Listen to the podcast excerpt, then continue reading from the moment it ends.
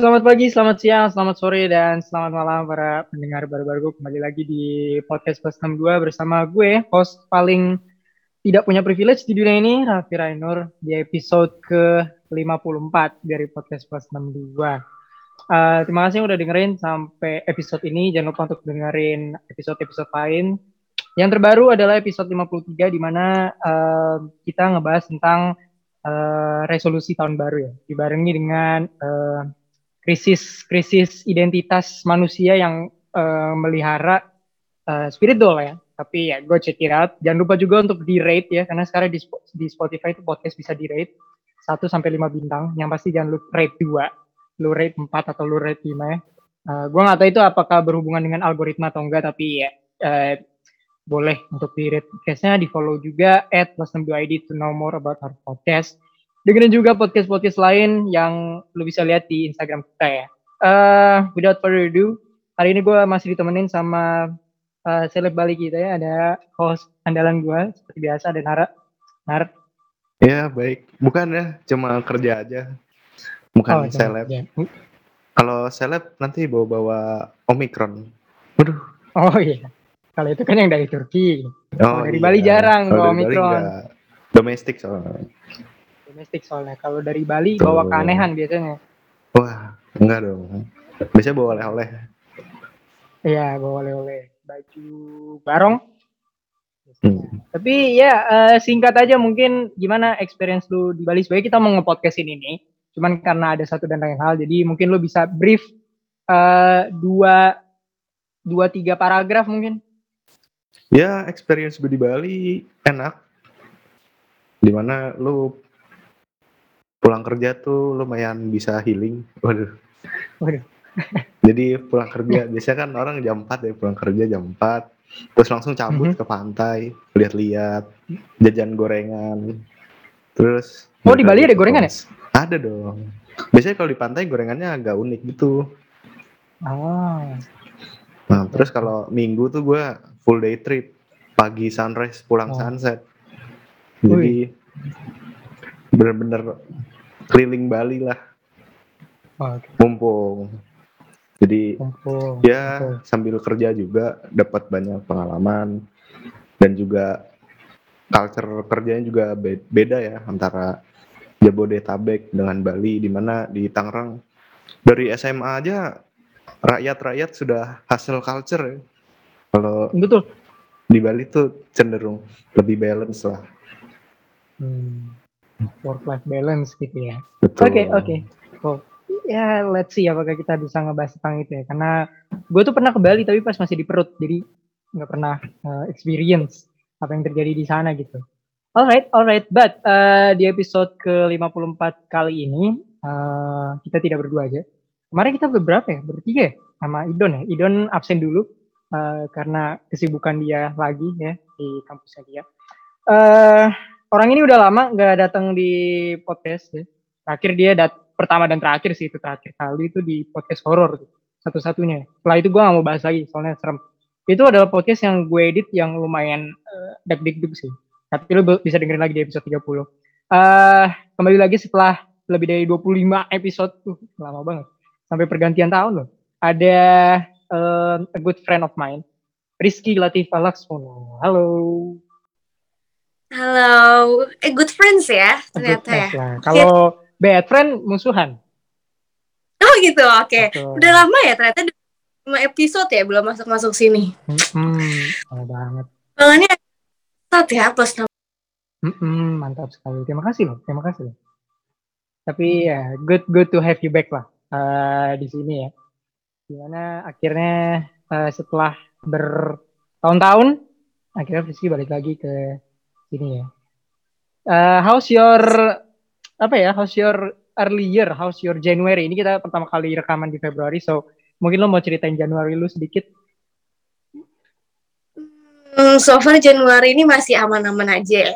Oh. Uh, paling ini yang bikin yang bikin kita rada mau eh, gitu, mungkin hmm. uas kita ya oh. ke sini semakin abrakadabra ya kan hmm. tahu-tahu jebret ya semester lima ya sih hmm. uas tahu-tahu betul padahal awalnya kita masuk tuh kuliah ya kan, kuliah di kampus tiba-tiba merem loh. Udah tahun depan ada skripsi. Emang iya ya? Iya, betul sekali. Bagi angkatan kita, iya tahun depan dong. Tahun depan dong. Oh iya, iya dong. dong. Gue lupa. Aku sedikit lupa. Ah, Boleh apa -apa. ngomong lo gue? Enggak apa-apa, boleh kok. Ini enggak sopan-sopan. Oh, boleh. Emang ini podcast begitu dikerti. Sorry. alright, alright. Oke. Okay. So, mungkin lebih ke uh, ini ya, seperti bulan-bulan krusial mahasiswa lainnya lo disebutkan dengan UAS ya. Nah, jadi ya begitulah ya. Orang-orang lain tahun baru. Nah, kita UAS. Kita UAS. Betul sekali, betul sekali. Aduh, aduh. Tapi ya uh, mungkin Januari orang beda-beda ya. Lu bisa ceritain Januari lu mungkin dengan uh, just dia mas di Instagram @postindiadi. Uh, di episode pertama di Februari ini, uh, gue ngide untuk bikin sebuah obrolan ya dengan topik seputar hak istimewa atau privilege. Kayaknya gue udah pernah bahas nyinggung-nyinggung kayak ini di episode-episode 20-an gitu gue lupa. Uh, di mana gue bahas tentang keadilan sosial bagi seluruh rakyat Indonesia terus ada bintangnya gitu. Tapi itu nggak necessarily talks about privilege, tapi di situ ada bahas-bahas sedikitnya lah. Kenapa gue mau bahas privilege? Karena waktu itu sempat surfacing di Twitter. Kalian tahu Putri Tanjung nggak sih? Putri Tanjung tuh anaknya pengusaha konglomerat Khairul Tanjung gitu. Uh, oh, jadi oh, si Putri Tanjung ini bilang eh, nggak uh, usah nggak usah apa ya semacam nggak usah takut kalau lu rugi dalam memulai sesuatu nggak usah takut lu memulai sesuatu gitu.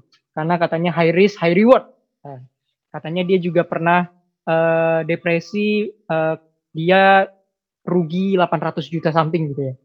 Gue nggak tahu apakah untuk orang lain rugi 800 juta itu mereka juga mengurung diri di kamar atau gantung diri kan orang beda-beda ya. Kalau Tanjung mungkin dia ngurung diri kalau orang lain rugi 800 juta bisa gantung diri gitu. But uh, talks about privilege ya jadi privilege atau hak istimewa itu adalah suatu kesempatan di mana beberapa orang tertentu ya, maksud gua nggak semua orang lah punya punya hal ini. Gitu. Beberapa orang tertentu memiliki hak-hak yang memudahkan kehidupan bermasyarakat mereka. Uh, salah satu orang yang punya privilege ya jelas yang paling tinggi adalah presiden. Tapi untuk dihukum sendiri itu diatur dalam UU pasal 27 ayat 1 menyatakan bahwa seluruh masyarakat memiliki hak-hak yang sama atau setara di dalam hukum dan pemerintahan ya. Tapi tetap aja beberapa orang tertentu memiliki sebuah uh, magic thing gitu ya, di mana mereka bisa mampu melalui batasan-batasan kesetaraan tersebut. Gitu. Kayak beberapa lalu, beberapa saat lalu di tahun 2021 kita lihat beberapa orang atau segelintir orang menggunakan hak istimewanya untuk kabur dari karantina, misalnya uh, beberapa orang menggunakan hak-hak tersebut. Bahkan ada orang yang uh, baru pergi dari luar negeri terus dia nggak dikarantina ngebawa omikron ada juga kayak gitu dia menggunakan hak hak uh, personally. Yaitu si privilege ini gitu. Bahkan kasus terdekat ya kita nggak usah ngomongin kita nggak usah ngomongin inilah kita nggak usah ngomongin influencer influencer itu. Bahkan misalnya kayak kasus-kasus terdekat kita misalnya adalah beli bangku sekolah karena memiliki privilege privilege materi gitu. Atau lulus ke suatu instansi dengan jalur yang lebih mudah melalui privilege orang dalam gitu kan. Itu itu terjadi lah di sekitar kita. Jumping to the topic, gue mau dengar uh, tanggapan dari kalian berdua, starting with Frisky. Menurut lo, tanggapan personal lo dan tanggapan pribadi lo, gimana sih menurut lo tentang privilege atau hak istimewa ini? Pertama kali lo dengar atau lo sadar bahwa privilege ini ada di diri lo atau ada di orang-orang lain, merugikan lo atau enggak pertama kali lo dengar privilege ini dan menurut lo privilege itu apa sih? Kalau ditanya tentang privilege ya sebenarnya itu tuh uh, semua hal itu kan tentu ada plus minusnya ya gak sih? Kadang kita yang dapat privilege aja tuh suka kayak menyalahgunakan gitu. Tapi kita kalau ngeliat orang menyalahgunakan privilege itu kita kayak gedek juga. Tapi satu sisi kita juga ini apa? Gue juga nih kayak gitu. Dan dan kalau ditanya mengenai uh, gimana sih privilege dan sebagainya uh, yang lagi panas sekarang Renur bahkan sampai diangkat beberapa sosial media uh, akun sosial media yang kebetulan uh, kita kan tentu ya di Instagram itu ada beberapa akun sosial media yang agak nyeleneh oh. gitu kan ada yang nulis ada yang eh bukan eh ada yang bikin postingan kalau yang mobilnya pakai tinut-tinut tapi bukan plat bla bla bla mm -hmm. jangan dikasih ya sih mm -hmm. dan kak dan akhir-akhir ini tanpa kalian sadari itu lagi terjadi banget ya gak sih? Kayak orang menyalahgunakan hal-hal kayak gitu. Dan dan hmm, apa ya? Kayak uh, sebenarnya itu bisa digunain banget ya. Kayak oh, sebenarnya nggak terlalu penting tapi harus harus seburu-buru itu padahal lo juga mau orang biasa sih, iya mau ke mana iya betul. Mau ke mana sih? Harus pakai di escort escort gitu ngapain sih betul betul. Itu dan dan sometimes yang hal yang kayak privilege yang disalahgunakan seperti itu itu tentu mengganggu banget ya. Hmm. tapi kalau misalnya privilege-nya itu kayak eh, gue sendiri pun kayak nggak dina ya. Karena gue juga menyalahgunakan privilege gue. Salah satunya adalah di wadah pendidikan kita ya. Gue suka merasa gue gue suka kayak mengistimewakan beberapa orang karena mm -hmm. beberapa kepentingan. Jadi kalau ditanya privilege-nya gimana uh, ada beberapa bagi gue yang masih sering gue lakukan. Tapi satu sisi kadang gue juga masih suka merasa mengganggu banget. Terlebih itu ya yang tadi gue sebutin ya yang pakai totot gitu ya. Itu padahal bukan siapa-siapa ya kan. Paling cuma menang mobil doang ya gak sih? Oh, ya, itu sih bener menurut gue nggak ada orang yang nggak terganggu sih ya dengan contoh yang lu kasih. Kayak maksud gue every everyone bother gitu dengan kehadiran orang-orang yang uh, asal-asal di escort gitu. Padahal platnya juga plat hitam gitu ya. ya kan? Mobilnya juga rata-rata Fortuner Pajero gitu kan. Kayak forward gitu. Tapi ya udahlah mungkin dia punya advantage dari jabatan orang tua atau apa pun. Which is normal. Tapi uh, yep. tapi ada beberapa mobilnya itu yang emang dipakein speakernya juga gitu loh. Lo tau gak sih yang video yang beredar yang misi-misi ada yang mau lewat misi-misi kayak fuck siapa nih yang mau lewat? Oh iya? Gitu. dia ngomong gitu? Iya. Wah gila. Ya itu terjadi di lingkungan gue sih. Ah. Alright uh, dari lu gimana nar? Tentang privilege atau hak istimewa ini. Uh, kalau gue pribadi sih memanfaatkan privilege untuk sesuatu yang benar ya why not gitu. Lu kayak misalnya bapak lu kaya gitu kan terus lu mau bikin usaha ya sah-sah aja. Kan yang jelek adalah memanfaatkan privilege untuk hal buruk gitu ya kayak yang tadi lu dibilang. Karena jujur banyak banget gitu lu pakai privilege lu untuk melakukan hal buruk. Contoh nih misal misal uh, lu punya wajah yang good looking itu kan juga sebenarnya privilege gitu. Bener kan? Tapi banyak gitu yang pada akhirnya misalnya cowok ganteng terus main cewek dengan mudahnya karena oh. banyak kan orang kayak gitu ada juga uh, privilege di mana dia pinter banget gitu tapi berakhir jadi orang yang manipulatif atau ngerjain orang lain jadi tukang tipu jadi afiliator atau apa pun itu jadi ini kan nggak beres gitu betul, betul. maksud gue lu kalau punya privilege ya manfaatkan dengan baik gitu. Biarinlah orang mau ngapain gitu ngomong tentang tapi kan lu anak orang kaya bang. Ya udah terus kenapa gitu? Selama digunakan dengan baik kan kenapa tidak gitu? Karena orang tuh suka katain privilege orang lain gitu tapi dia nggak sadar dia juga punya privilege gitu ya kan? Contoh mungkin hmm. misal ada orang hidupnya mohon maaf ya agak susah gitu. Tapi dia tinggal hmm. di kota besar yang mudah akses itu kan privilege sebenarnya. Yeah. Lu terlahir di kota tertentu itu kan privilege gitu dibanding lu lahir di daerah yang mungkin uh, rawan perang atau nggak ada akses. Hmm. Itu kan bro lahir di suatu tempat itu privilege gitu. Emang kita nggak nggak. Tiap hari ngeliat rudal gitu kan kasihan. Iya, karena lu saking sibuknya ngeliatin privilege orang sampai lu lupa gitu lu punya privilege sendiri juga. Jadi ya manfaatkanlah privilege lu sebaik-baiknya lah daripada sok-sokan memulai dari nol tapi ujung-ujungnya ya jualan webinar gitu. Jadi mending mending manfaatin aja dan jujur aja gitu kalau ngomong mak. Iya bapak gue kaya tapi gue berhasil memanfaatkan hal tersebut jadi uang dan segala macam. Karena kan banyak ya orang yang bohong. Hmm. Iya kan? Bilangnya gue tuh dari nol. Gue dulu makan nasi pakai garam di Amerika waktu kuliah. Pakai biaya mandiri gitu kan. Jadi oh oke. Okay. ya. jadi ya, ya kelihatan lah. Dia jujur aja sih kalau kalau gue ya misalnya sukses karena privilege ya ya udah gue jujur aja gitu.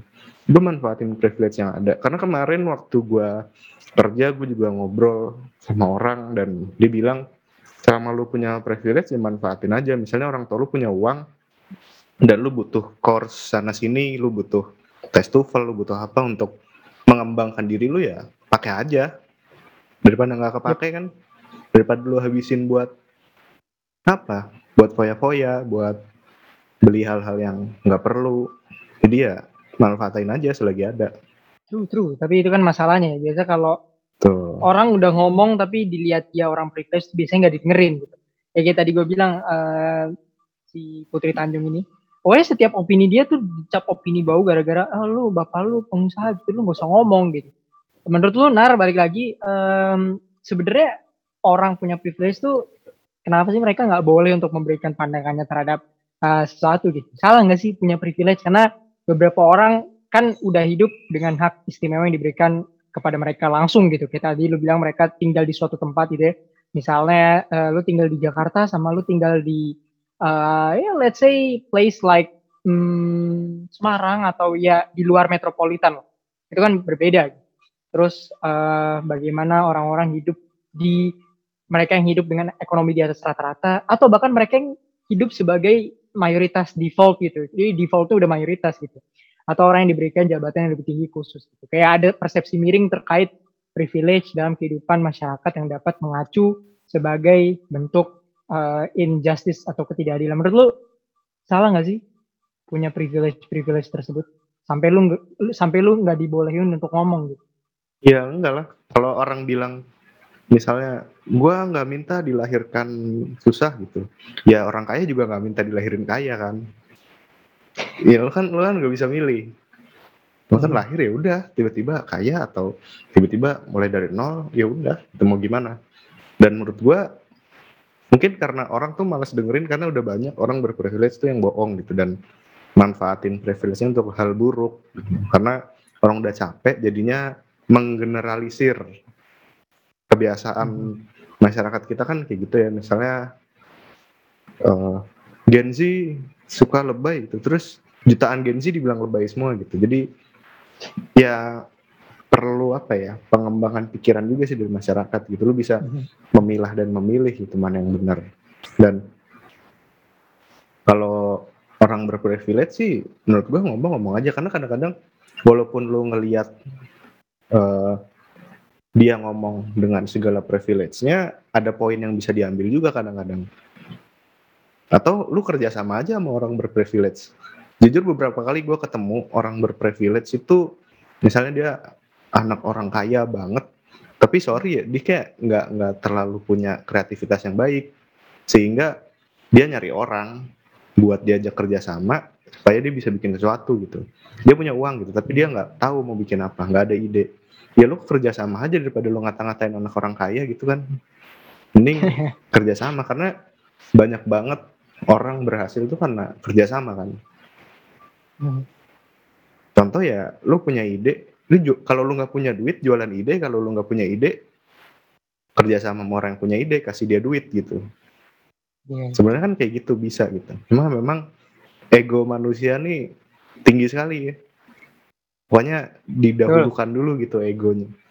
Jadi ya pinter-pinter kita sih. Dan kadang-kadang uh, lu tahu gak sih webinar-webinar kesuksesan yang memang anak orang kaya ngomong? Tapi menurut gua itu kalau dia jujur ya nggak salah. Karena kadang butuh hal-hal kayak gitu untuk apa ya ngasih motivasi buat anak-anak orang kaya yang lain gitu. Karena banyak kan anak orang kaya juga yang punya privilege abrek tapi nggak jelas hidupnya. Perkobaan jajan sana sini buang-buang duit jajan cilok. Iya.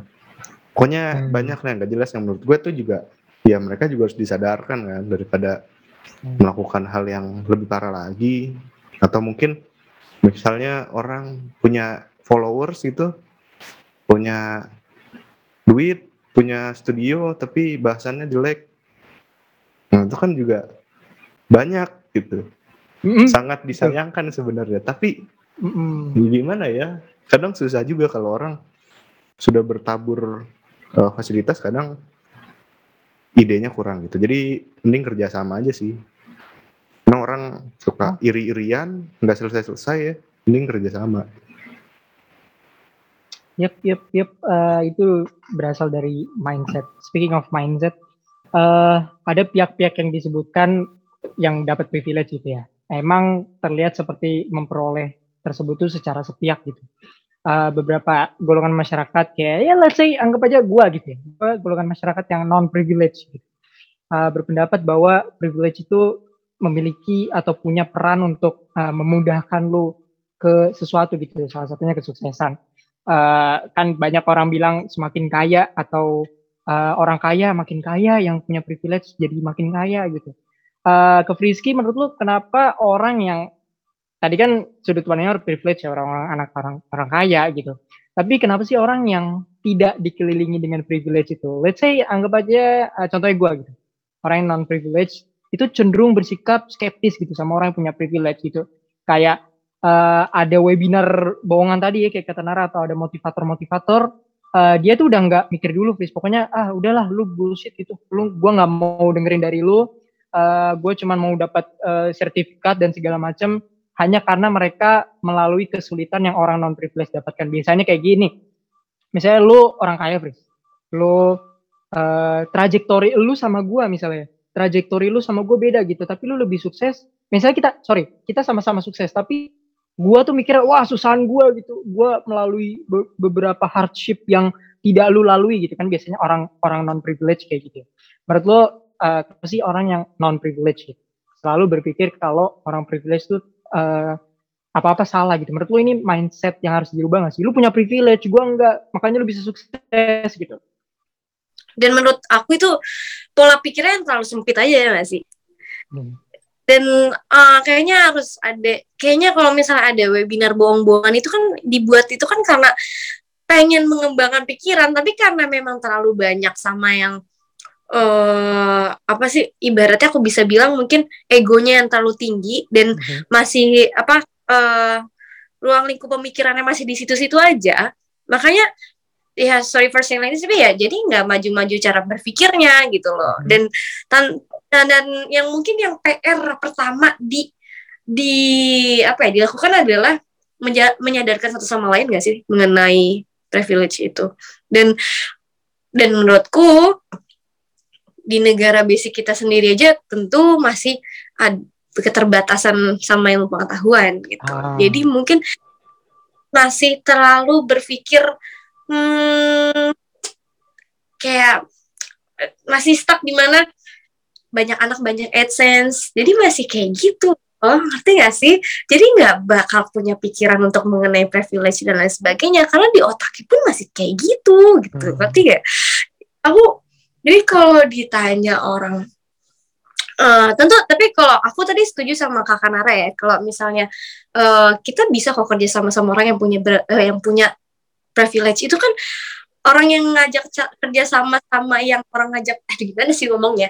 Jadi kalau misalnya Renur punya privilege gitu aku nggak ada. Terus aku punya inisiatif untuk kerja sama sama kamu kan berarti tandanya privilege kamu nular ke aku nggak sih? Dan hmm. otak aku pun lama-lama gitu. hmm. seharusnya orang-orang tuh kan seperti itu gitu. Bukannya bukannya kayak ih Renur kan ini kayak itu kan stuck banget nggak sih? Pola pikir tuh kayak stuck banget di situ gitu.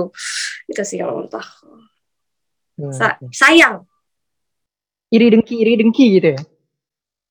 Aku mau ngomong iri dengki tapi kayak kurang enak gitu loh. Jadi oh, ya, iya, ya udah kamu.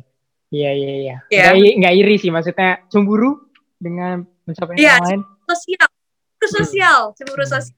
Nah, privilege itu identik sama tingkat sosial nggak sih? Mm -hmm. Karena misalnya kayak, wah dia handphonenya iPhone gitu ya. Wah dia apalah gitu kan langsung dicap apa-apa gitu karena ya kita ya begitulah kita gitu kan. Orang yang punya uh, kemampuan atau kele kelebihan gitu kan merasa kadang terlalu tinggi hmm. jadinya orang yang punya kekurangan merasa wah orang yang punya kelebihan nih uh, dicaci maki gitu ya. Di uh, di apa ya dicap jelek dulu deh pokoknya. Kalau orang punya kelebihan tuh biasanya dicap jelek dulu. Misalnya wah Nara nih wah ke Bali ini nih habis ini pulang bungkus cewek nih kan gitu dulu gitu kan. Atau wah ini duitnya dari mana bla bla bla bla padahal kan mungkin ke sana untuk apa gitu kan orang kan kadang kayak gitu ya contohnya kayak ya itu tadi misalnya orang uh, punya jabatan dia. Misalnya yang paling obvious sih ini ini menurut gue salah satu uh, kegiatan iri dengki paling bodoh itu adalah lu kalian tahu Kaisang kan? Kaisang tuh kan kita tahu ya anaknya siapa gitu. Itu obvious yeah. itu anaknya Pak Jokowi gitu. Tapi orang merasa wah lu uh, CEO suatu makanan kuliner gitu ya, lu nggak bisa kayak gini kalau lu bukan anaknya Pak Jokowi lah. Iya, justru karena dia anaknya Pak Jokowi itu dia melakukan hal itu gitu. Jadi uh, kadang orang uh, apa ya bingung gitu, bagaimana orang kok bisa ya memanfaatkan privilege dengan baik gara-gara ya itu banyak orang yang apa ya privilege itu dimanfaatkan dengan buruk. Sebenarnya seberapa besar sih peran privilege terhadap kesuksesan orang? Karena kan di sebuah dunia yang realistis, gitu, di sebuah dunia yang realistis kan kadang kita menemui uh, apa ya menemui orang-orang yang seakan-akan mudah untuk mencapai suatu hal ketimbang kita harus bekerja keras gitu. Kayak contohnya kayak uh, orang suatu misalnya gue sama Nara gitu ya kita mau masuk uh, suatu instansi atau akademi kepolisian misalnya. Uh, ternyata Nara masuk despite gue punya segala sesuatu yang bisa gue tawarkan tapi Nara masuk karena mungkin orang tuanya udah kenal sama petingginya atau mungkin Nara bisa masuk melalui jalur segepok duit gitu kan bisa gitu kan Uh, menurut lu Fris balik lagi sebelum gua kena Menurut lu seberapa besar privilege uh, terhadap kesuksesan orang gitu? Karena kan ya kayak tadi gua bilang kita hidup di dunia yang realistis pasti uh, mungkin menurut lu privilege itu menjadi uh, suatu hal yang berperan besar. Kalau iya kenapa? Kalau misalnya enggak juga kenapa? Aku nggak bisa, eh, tapi aku mau nyentuhan itu ke diri aku ya. Tapi hmm. aku kan, uh, ibaratnya aku bisa bantu teman-teman aku dari privilege aku ya kan hmm. termasuk kayak misalnya jadi kalau misalnya tadi kamu tanya uh, seberapa besar privilege itu bisa bawa kesuksesan bagi aku itu agak gede sih karena aku merasakan itu gitu. Walaupun lingkup aku itu privilege masih kecil tapi aku bisa bantu banyak orang gitu. Dan orang itu kalau misalnya nanti berpikiran negatif terhadap privilege aku balik lagi. Gue bisa dapat privilege emang gue ngapain dulu? Gitu. Hmm. ngerti gak sih? Jadi nggak bisa juga gitu untuk mengecap di dia kayak gini uh, dia mentang-mentang gini. Kan itu kan hanya judgement ya. Tapi kan orang kan nggak tahu gimana cara kita bisa dinilai ataupun punya privilege seperti itu. Jadi kalau menurut aku uh, privilege itu seberapa besar bagi aku besar. Karena aku merasa uh, not branding or flexing tapi aku merasa kalau uh, apa privilege aku di lingkup kita itu bisa membantu beberapa orang. Gitu ngerti gak sih? Jadi termasuk termasuk kamu pun kayaknya satu satu nggak sih lewat jalan tol. Ya nggak sih? Jadi kayak hmm aja. Jadi kalau misalnya ditanya seberapa besar I think itu besar banget. Dan kalau orang yang punya privilege ini bisa menggunakan dengan baik dan menularkan beberapa privilege-nya ini ke teman-temannya I think it's a good one. That's the thing sih orang-orang yang nggak sadar. Maksudnya kalau lu punya privilege kan berarti ada sesuatu yang membuat hal itu terjadi gitu kan. Maksud gue itu nggak terjadi hmm. gitu aja gitu maksudnya misalnya yeah. um, lo anak-anak pejabat atau apa atau apa. Kan orang biasanya kesel kalau uh, orang ini tuh anak pejabat iyalah mudah jadinya. Tapi kan uh, itu tuh dilakukan dengan sebuah proses. Misalnya karena bokapnya emang bekerja keras untuk hal itu gitu. Jadinya anaknya mudah dapat privilege atau uh, anak orang kaya ya bapaknya bekerja keras untuk itu jadi anaknya menikmati privilege itu kan.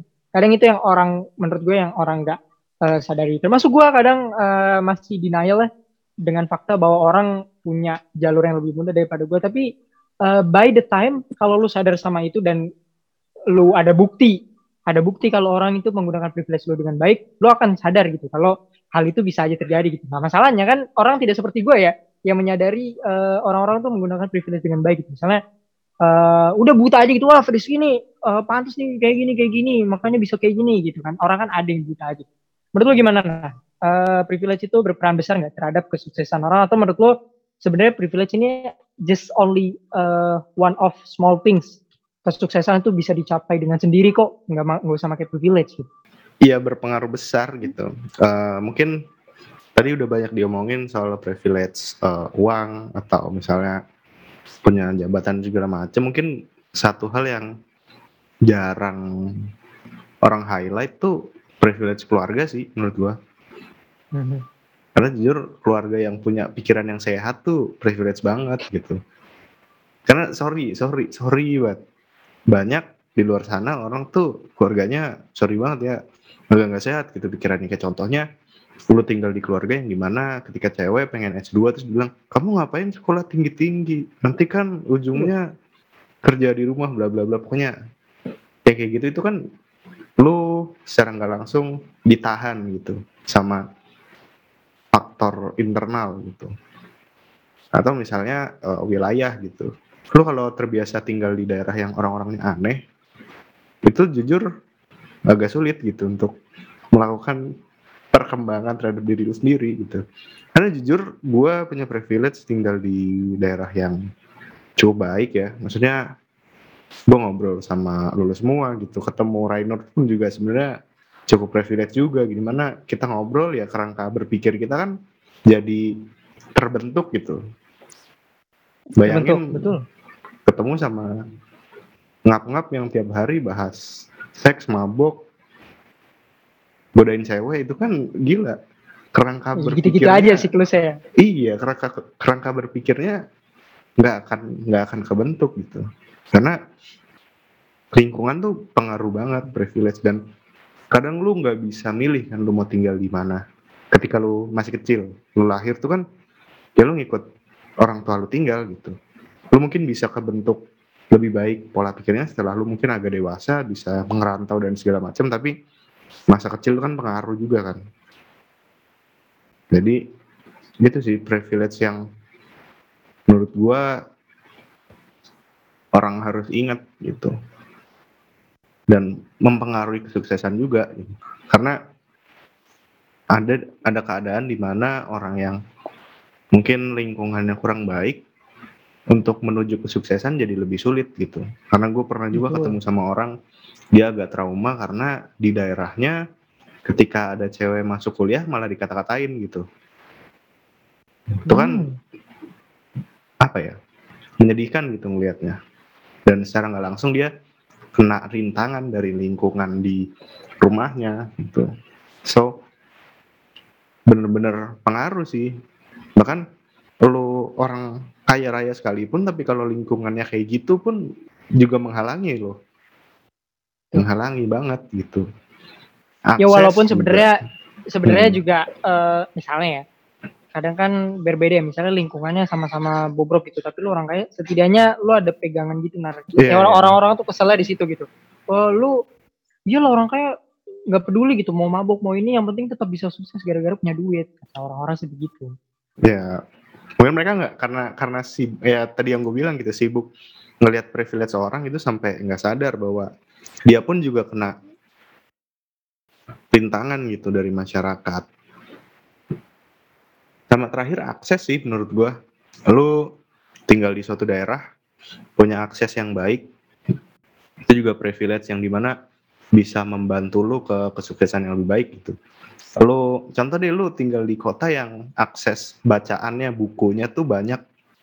Itu kan privilege gitu. Lu untuk sukses lebih hmm. mudah. Lu butuh buku untuk nulis tuh lu tinggal ke perpustakaan gitu. Beda sama orang yang di tempatnya susah akses, lu mau nulis sesuatu mau belajar lu harus melewatin sungai, lu harus jalanan off-road dulu untuk bisa baca sebuah buku.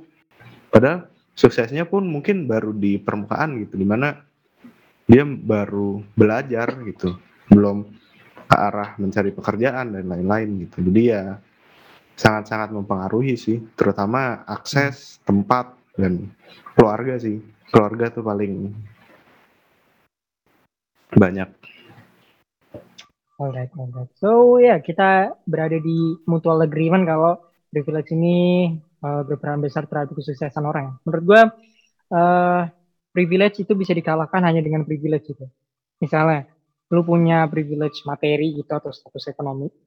Uh, semuanya itu bisa menang cuman status ekonomi gitu. Orang yang punya privilege uh, lingkungan bisa bikin dia pinter itu juga bisa menghancurkan at atau menyaingi orang yang punya privilege status ekonomi. Tergantung lu sadar atau enggak gitu. kan banyak orang yang misalnya status ekonominya nggak bagus gitu. Nah dia udah let down duluan tanpa menyadari privilege-privilege yang dia punya. Contohnya kayak Tara tadi bilang uh, ada privilege-privilege yang sebenarnya nggak kelihatan kayak lingkungan lo gitu kan. Uh, orang-orang lihat wah Nara nih uh, keluarganya kaya gitu. Aku enggak, tapi kan belum tentu Nara itu lingkungannya bagus gitu, surroundingnya bagus. Mungkin lo yang ngejudge Nara karena lingkungannya gitu ya. Ekonomi uh, cemburu tapi lu punya lingkungan yang bagus, environment yang mendukung itu juga bagus gitu kan. Misalnya kayak tadi Nara bilang ada cewek gitu ya yang gak boleh S2 gara-gara ujung-ujungnya kamu cuma jadi orang dapur doang itu kan apa ya salah satu bentuk dari uh, ketidakpemilikan hak istimewa gitu kan. Banyak sih sebenarnya kalau gua ngomong perempuan ya, perempuan tuh banyak banget um, apa ya jalur-jalur di mana mereka nggak punya keistimewaan. That's why itulah kenapa ada orang-orang yang disebut sebagai feminis gitu ya. Uh, memperjuangkan hak, hak istimewa itu. Bukan berarti uh, bukan berarti apa ya pengen cowok cewek di atas cowok semata gitu enggak. Tapi ya oke okay, uh, kita ada di mutual agreement kalau kita berpikir bahwa privilege ini berperan besar terhadap kesuksesan orang. Tapi uh, sebenarnya ada apa aja sih privilege itu? Um, gue baca di suatu web itu ada privilege itu ada empat. Dibedakan sama empat yaitu adalah uh, penampilan fisik ya atau looks. Looks nih menurut gue udah udah obvious lah ya. Uh, looks terus ada lagi status ekonomi jabatan dan keluarga atau keturunan. Keluarga atau keturunan ini bisa berbagai macam ya. Apakah lu keturunannya membuat lu privilege? Contohnya lu keturunan orang uh, Jawa gitu atau keturunan lu agamanya Islam misalnya if we talk about religion gitu. Itu juga bisa bisa menjadi privilege itu. Nah menurut lu Fris dari empat privilege tadi, penampilan fisik, status ekonomi, jabatan, dan keluarga atau keturunan, menurut lu mana yang bobotnya, bobotnya, bobotnya tuh lebih besar gitu, yang biasa lu lihat tuh kayaknya lebih mudah untuk mendapatkan ini gitu, lebih mudah untuk diginiin gitu. Menurut lu apakah penampilan fisik, looks, apakah jabatan, apakah status ekonomi, ataukah keluarga atau keturunan? Kayaknya kalau bahas mengenai ini yang lagi di era sekarang kalau menurut aku yang paling menonjol ya gak sih? Hmm. Soalnya kalau mengenai jabatan atau keluarga keturunan itu udah basi banget kayak zaman Siti Nurbaya gitu. Aduh. Itu kayaknya itu emang udah pasti ya. Maksudnya um, kayaknya ibaratnya uh, bapaknya jadi anu hmm.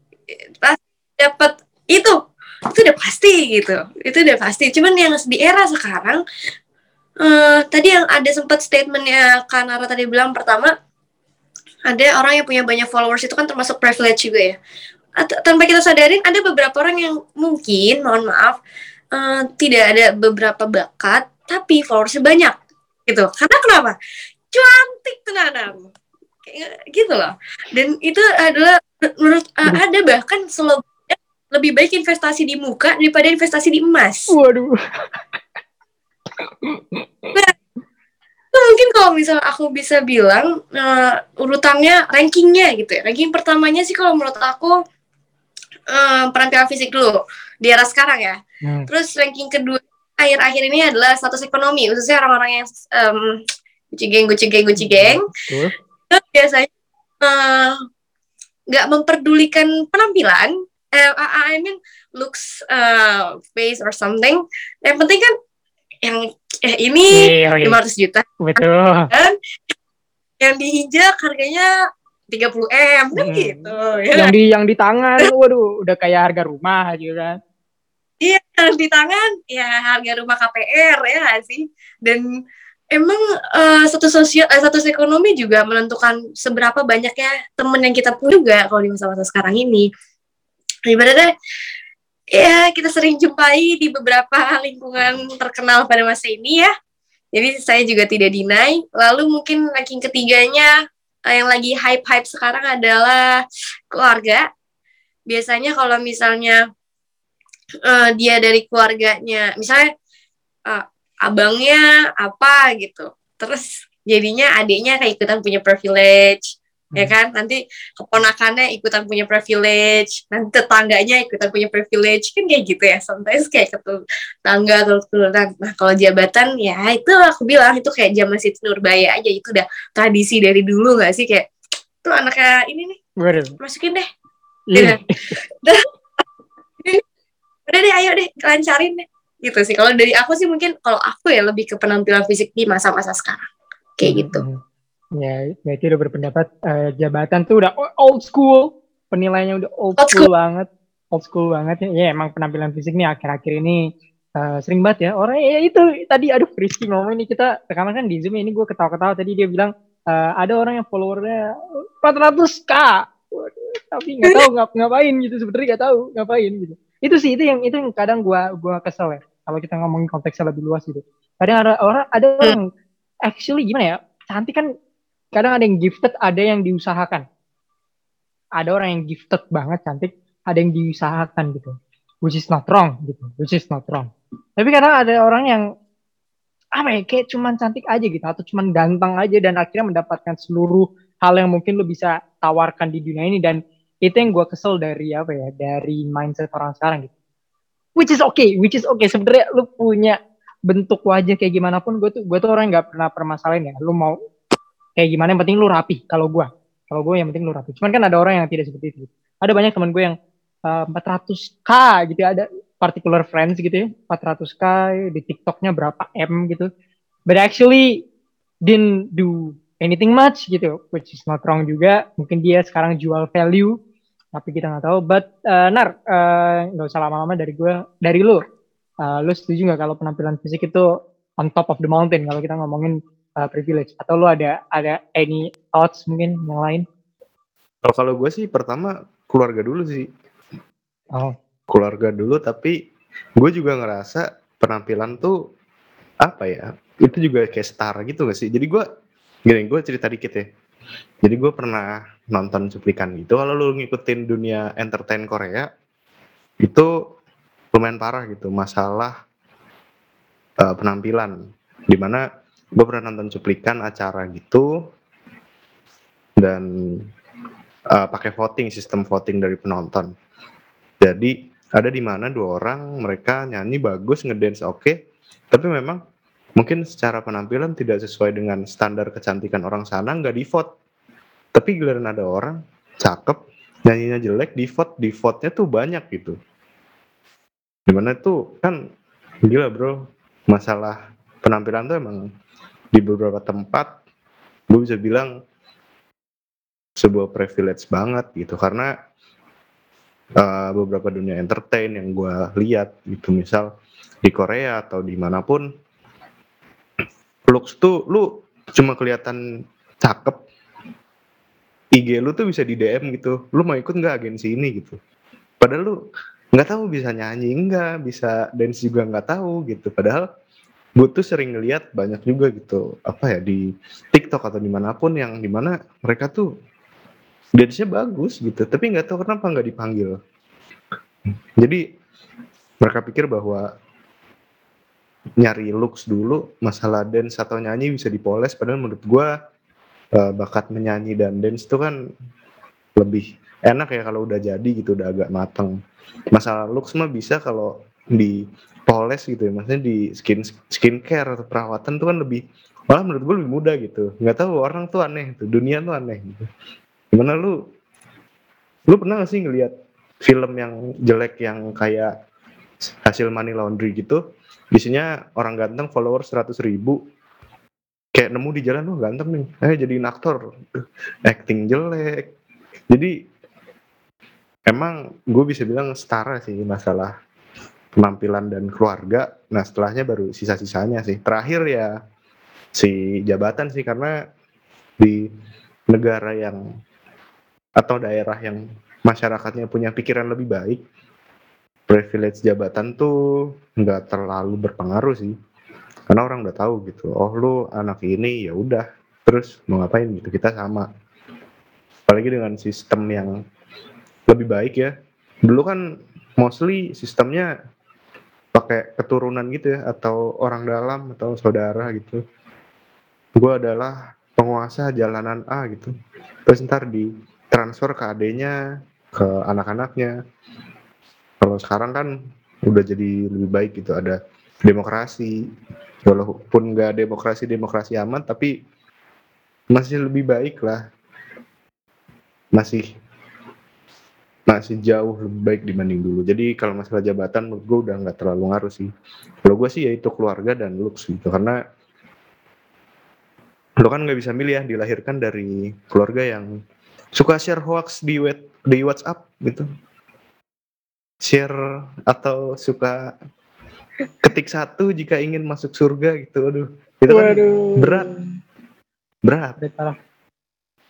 Jadi ya itu menurut gue gue agak leading ke status ekonomi sebenarnya yang akan gue taruh sebagai kayak top of the mountain ya karena gue merasa uh, well biasanya orang uh, fisiknya bagus juga di dibarengin dengan status ekonomi yang bagus gitu but orang yang punya status ekonomi yang lebih tinggi biasanya tend to buy anything yang dia nggak punya gitu atau yang dia nggak bisa gitu. Uh, contohnya kayak uh, beli kursi beli jabatan atau uh, melakukan sesuatu yang sebenarnya dia nggak bisa dia mengikuti arus tapi dia melakukan hal lebih karena status ekonominya gitu. Dan terkadang uh, eh, gue nggak tahu ya, mungkin kalian berpendapat penampilan fisik uh, itu bisa membuat ketidakadilan bagi beberapa orang gitu ya kan. Misalnya satunya oh gara-gara dia cantik atau dia gara-gara ini dia dapat handicap lebih gitu. Tapi menurut gue itu itu menurut gue itulah yang gue lihat dari orang-orang yang punya status ekonomi lebih. Dan biasanya mereka yang uh, lebih cenderung membeli segalanya dengan status ekonomi gitu. So everything uh, everything bisa dibayar dengan duit gitu. Padahal kan not everything good about gitu kan. Menurut gua gitu sih. Kalau penampilan fisik mungkin karena gua orangnya pribadi nggak terlalu menilai dari situ, jadi gua akan taruh di dua atau tiga gitu. Tapi gue setuju sama Rizky kalau yang kita ngomong di era sekarang nih ya. Di era sekarang tuh kacau banget menurut gue ini uh, apa ya? Penampilan fisik tuh udah jadi handicap atau jadi advantage bagi beberapa orang gitu. Itu sih. Jadi ya mungkin kita nggak sukanya kalau orang itu memanfaatkan uh, dengan hal-hal yang tidak semestinya gitu. We should agree with that gitu ya. Jadi ya alright alright. Penampilan fisik yang pertama uh, gue tuh buka semacam uh, mini vote gitu di Instagram. Dan tersaat yang dari 100% uh, itu status ekonomi yang paling banyak. Itu 39% uh, diikutin keluarga atau keturunan 28%, penampilan fisik 23% ya, quite uh, quite tipis ya, cukup tipis antara semuanya sama jabatan 10%. Bener sih kata kalian. Jabatan tuh kayaknya udah enggak udah irrelevant lah ya. Udah udah basi gitu. Maksudnya gue sempat gue sempat lihat di di di kalian kalian tahu kan acara TV 86 gitu. Biasanya kalau ditangkap terus ngomong saya nih anak DPR gitu. Nah terus polisinya udah ngomong itu udah bukan zaman zaman kayak gitu lagi gitu. Dan dia kayak kata Nara sama Visi tadi gue rasa itu udah udah irrelevant lah. Kalau lu ngomongin wah gue nih anak silop atau anak apalah pemuda pemuda pemudi gitu kan itu udah udah udah gak relevan sih. Jadi uh, ya itu by the time itu udah gak relevan. Jadi jabatan di coach gue ini 10% dan surprisingly status ekonomi lumayan tinggi. Dengan dia uh, bisa unggul 39% karena mungkin orang-orang berpikir ya orang yang punya handicap ekonomi itu cenderung hidupnya lebih tidak apa-apa lah dibanding orang yang tidak punya handicap uh, ekonomi. Dan rata-rata di sini penampilan fisik yang jawab cewek. So I don't know, mungkin uh, wanita punya beberapa kecenderungan untuk hal ini ya. Uh, beberapa cewek tapi ada juga yang cowok bilang uh, uh, penampilan fisik. So uh, seperti biasa di akhir kita ada opini bawah the week uh, buat Kristi biasanya kalau lu nggak tahu di segmen ini lu diharuskan untuk ngerate opini ini gitu. Jadi gue akan memberikan opini uh, yang kita kurasi ini, opini bau ini. Lu ngerate 1 sampai 10 kira-kira ini baunya bau meternya itu seberapa gitu. Uh, amannya tuh 5 berarti dia nggak bau-bau banget. 8 itu normal berarti bau dan 10 itu udah udah level yang uh, apa ya harmful lah, udah menyakiti uh, perasaan orang lain bahkan lu sendiri gitu. Jadi di opini bau the week pada hari ini tuh ada sebuah pendapat dari uh, so-called uh, sultan gitu ya. Katanya sih dia sultan, tapi gua nggak tahu ini sultan apa. Sultan Batubara, gua nggak tahu. Uh, tapi yang pasti gue gue yakin kalian tahu karena gue udah sempat uh, upload ini di Instagram gue. Jadi ini katanya seorang uh, sultan. Jadi opininya seperti ini. Sebenarnya lahir miskin itu juga privilege. Bisa merasakan berjuang dan jadi sukses. Kalau lahir dari keluarga yang kaya, tekanan mental lebih besar. Kalau udah terlahir kaya nggak bisa jadi miskin, harus jadi lebih kaya lagi dan itu berat. Katanya dia kayak gitu. Jadi basically dia bilang uh, terlahir miskin itu privilege. Karena kalau miskin bisa jadi kaya, kalau kaya lu dituntut untuk jadi kaya lagi, jadi lebih berat itu. Katanya berarti pendapat dia itu lahir lahir miskin itu punya bobot yang pressure-nya lebih ringan lah dibanding orang yang udah terlahir kaya atau privilege kaya. Nah, orang miskin itu privilege. Menurut lo dari 1 sampai 10, lo akan menilai opini ini bisa bawa apa tuh? 7 kali ya, 7 6. 7 8 ya, 7 sekitar Enggak lagi gini ya. Aduh, jadi pengen. Aku juga Kenapa pikirannya udah kaya harus makin kaya. Kenapa harus kayak gitu? Ngerti gak sih? Ah. Kayak, ketemu banget nih titik di mana kalau dia nggak pernah puas. Memang hidup ini nggak akan pernah puas. Cuman kenapa sih nggak jadi orang kaya yang baik bisa membantu sesama? Ya aku tahu sih dia mungkin membantu sesama. Kita juga nggak ada yang tahu. Cuman jangan dan yang aku kurang suka dari kalimatnya adalah mengkotak-kotakan sosial. Memang di sosial ada kotak-kotak sosial cuman jangan sampai mengatakan hal seperti itu gitu ngerti gak sih hmm. karena kalau ngomong kayak gitu ah, gimana ya aku tuh kalau ngomong kayak setara sosialnya tuh ketara banget gitu kenapa sih harus menciptakan hal-hal yang old money pasti ketawa loh baca itu yang old money tuh pasti logging so loud intinya yeah. jadi aku mungkin tujuh delapan tapi uh, kenapa aku masih ngasih tujuh karena mana tahu ya ada orang yang termotivasi eh, uh, dari kalimat itu. Gitu. Oh iya. Betul, betul, betul, betul. Kita ada yang tahu. Mosi, motivasi berbentuk uh, berkedok uh, ngatain jadi juga bisa ya. Jadi orang-orang tuh termotivasi. Wah ini nggak bisa nih kita diinjak-injak seperti ini harga dirinya ada orang yang kayak gitu. Oke, okay, 7, 8 cukup aman. Gue kira lo akan ngomong 15. Uh, Nar, Hmm. Lu sendiri ketika mendengar atau lu lu sebenarnya udah udah udah lihat opiniannya atau belum? Kalau misalnya enggak, lu akan ngerate berapa? Gue udah lihat, gue udah lihat dan gue udah cukup mengikuti sedikit beritanya. Gue sih 8 lah. Karena soalnya nggak lama setelah itu keluar buku kan.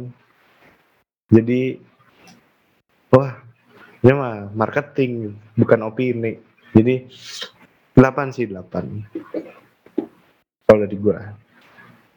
Oke. Okay. Opininya dibarengi oleh marketing ya? Betul, Sale. betul. Orang kaya. S3. Iya, S3 marketing. Betul sekali. Jadi gimana ya caranya untuk aku upload buku tapi bukuku relevan? Oh, kita bikin sensasi dulu ya dengan dia. Menurut gue ini sembilan sih. Sembilan karena motif. Motifnya dia. Kayak why the hell? Lu lo harus melakukan ini tuh apa urgensi lo nge-tweet ini tuh apa gitu kenapa lo harus terpikir wah ini akan jadi tweet yang sangat boom gitu iya boom sih lu nya yang boom gitu jadi menurut gua ini sembilan karena menurut gua ini menyakiti beberapa pihak kayak banyak banget yang komen tuh ya rata-rata dari orang-orang yang uh, tersinggung gua gua mengerti banget kenapa mereka tersinggung karena menurut gua ini opini yang uh, menyakiti banyak orang. Jadi menurut gua gua akan kasih sembilan karena ini datang bukan dari orang yang levelnya sama gitu. Ini datang dari orang yang di atas gitu. Dan ibaratnya wah ini kalian dia ngeliat ke bawah ya oh, kalian tidak apa-apa kalian punya privilege itu ngeliat ke bawah tapi jempolnya ke bawah gitu. Aku orangnya eh, nggak uh, punya privilege itu padahal dia ngomong kayak gitu nge-tweetnya mungkin sambil make iPhone XR gitu atau iPhone 12 we don't know. Saya menurut ini 9 sih. Karena ini sangat sangat bau ya. So called sultan ini kayak, kayak kata Fris tadi ini yang old money yang sultan sultan lama ini ketawa sama perilaku so called sultan sultan baru ini. Emang berisik banget sih Anar. Sultan-Sultan uh, baru ini. Benar benar. Jadi uh, you better shut the hell up lah. Karena mereka tuh super super berisik. Kenapa Riz? biasanya lebih pendiam sih. Yang old money tuh, tuh biasanya lebih pendiam gak sih? Hmm. kayak dia diam-diam diam-diam beli apa diam-diam bangun apa atau tahu kita udah menggunakan semua fasilitas punya mereka. Kan kayak betul, kayak diem-diem aja. Diem-diem Burj Khalifa gitu kan. Emang orang-orang yang yang udah udah normal tuh emang gak banyak cintong. Gak usah beli-beli Ferrari gitu gitu lah ya. Uh, ownernya Jarum aja masih makan di uh, makan-makan nasi goreng di pinggir jalan gitu ya. Ini yang so called so called sultan ini bisa untuk cari validasi emang cowok tuh kalau nggak nyari cewek nyari validasi gue udah bilangnya berkali-kali tuh ya. udah hey. Alright, mungkin uh, to end the episode, Pris, lu ada sesuatu yang pengen disampaikan berangkat dari uh, perbincangan kita tentang privilege ini? For for the last time gitu? Jangan, uh, kalau ini uh, closing statement ya dari aku berarti. Mm -hmm, closing statement. Jangan pernah insecure sama diri sendiri. Kalau diri sendiri itu kayak aku nggak punya apa-apa gitu. Jangan punya perpikiran kayak gitu. Kalau punya masih punya pikiran kayak gitu. Kapan mau majunya ya gak sih? Tentu walaupun ibaratnya uh, lo cuman bisa nulis rapi di dalam satu kertas itu udah termasuk privilege karena nggak semua orang punya dan bisa seperti itu gitu. Dan seandainya kan memang uh, udah percaya diri dan yang buat kalian semua yang mendengar ini dan memiliki privilege tolonglah itu dijaga dengan baik dan dibantu ya sekiranya perlu dibantu. Dan jangan sekiranya kita nggak berdina ya tapi kita memang uh, ada titik di mana kita bakal uh, menyalahgunakan privilege itu. Cuman sekiranya kalaupun mau menyalahgunakan janganlah yang berdampaknya itu terlalu berlebihan gitu. So, sorry for saying like this tapi uh, yang contohnya tadi yang Brompton ya pom pom gitu itu itu kan salah banget ya. Itu salah banget itu mengganggu dan bikin orang itu susah membedakan urgency things sama yang gabut things gitu. Dan itu merusak kepercayaan masyarakat juga tanpa kalian sadari ya wahai para pendengar, itu tolonglah diperbaiki hal-hal yang seperti itu gitu. Terlebih juga uh, privilege jabatan itu the oldies banget ya kayaknya orang-orang tuh kayaknya udah pada hafal dan sepertinya di pemerintahan Indonesia juga itu sudah diperhatikan ya kalau anak ini nggak boleh masuk kayak gini dan itu menurut aku sudah di sudah di uh, udah diatasi lah kasar katanya.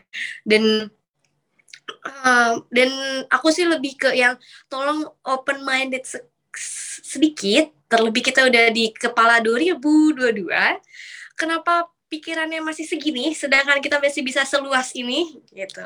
Jangan jangan berpaku sama apa yang orang punya tapi kita juga harus melihat diri kita apa yang kita punya kayak gitu. Dari closing statement aku privilege. Ya, itulah uh, tentang privilege ya.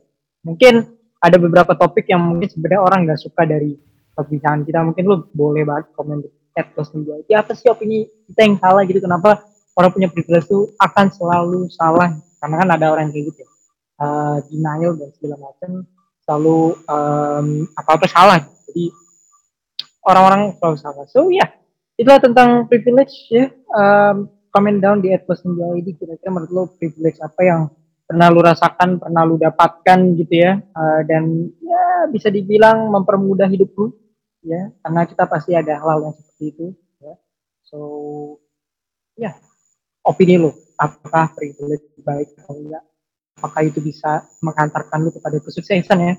Dua orang tua itu juga privilege, kadang itu kan kampus, kadang enggak juga tergantung lu uh, berdosa apa enggak ya tergantung lu. Jadi anak ini apa enggak tapi itu juga merupakan salah satu privilege. Ya privilege itu kadang lu nggak sadar ada di ada di sekitar lu. Uh, kadang orang-orang nggak sadar apa yang ada di sekitar mereka. Gitu mereka cuma ngeliat ke kiri kanan tapi nggak sadar apa yang ada di depan. So ya. Yeah.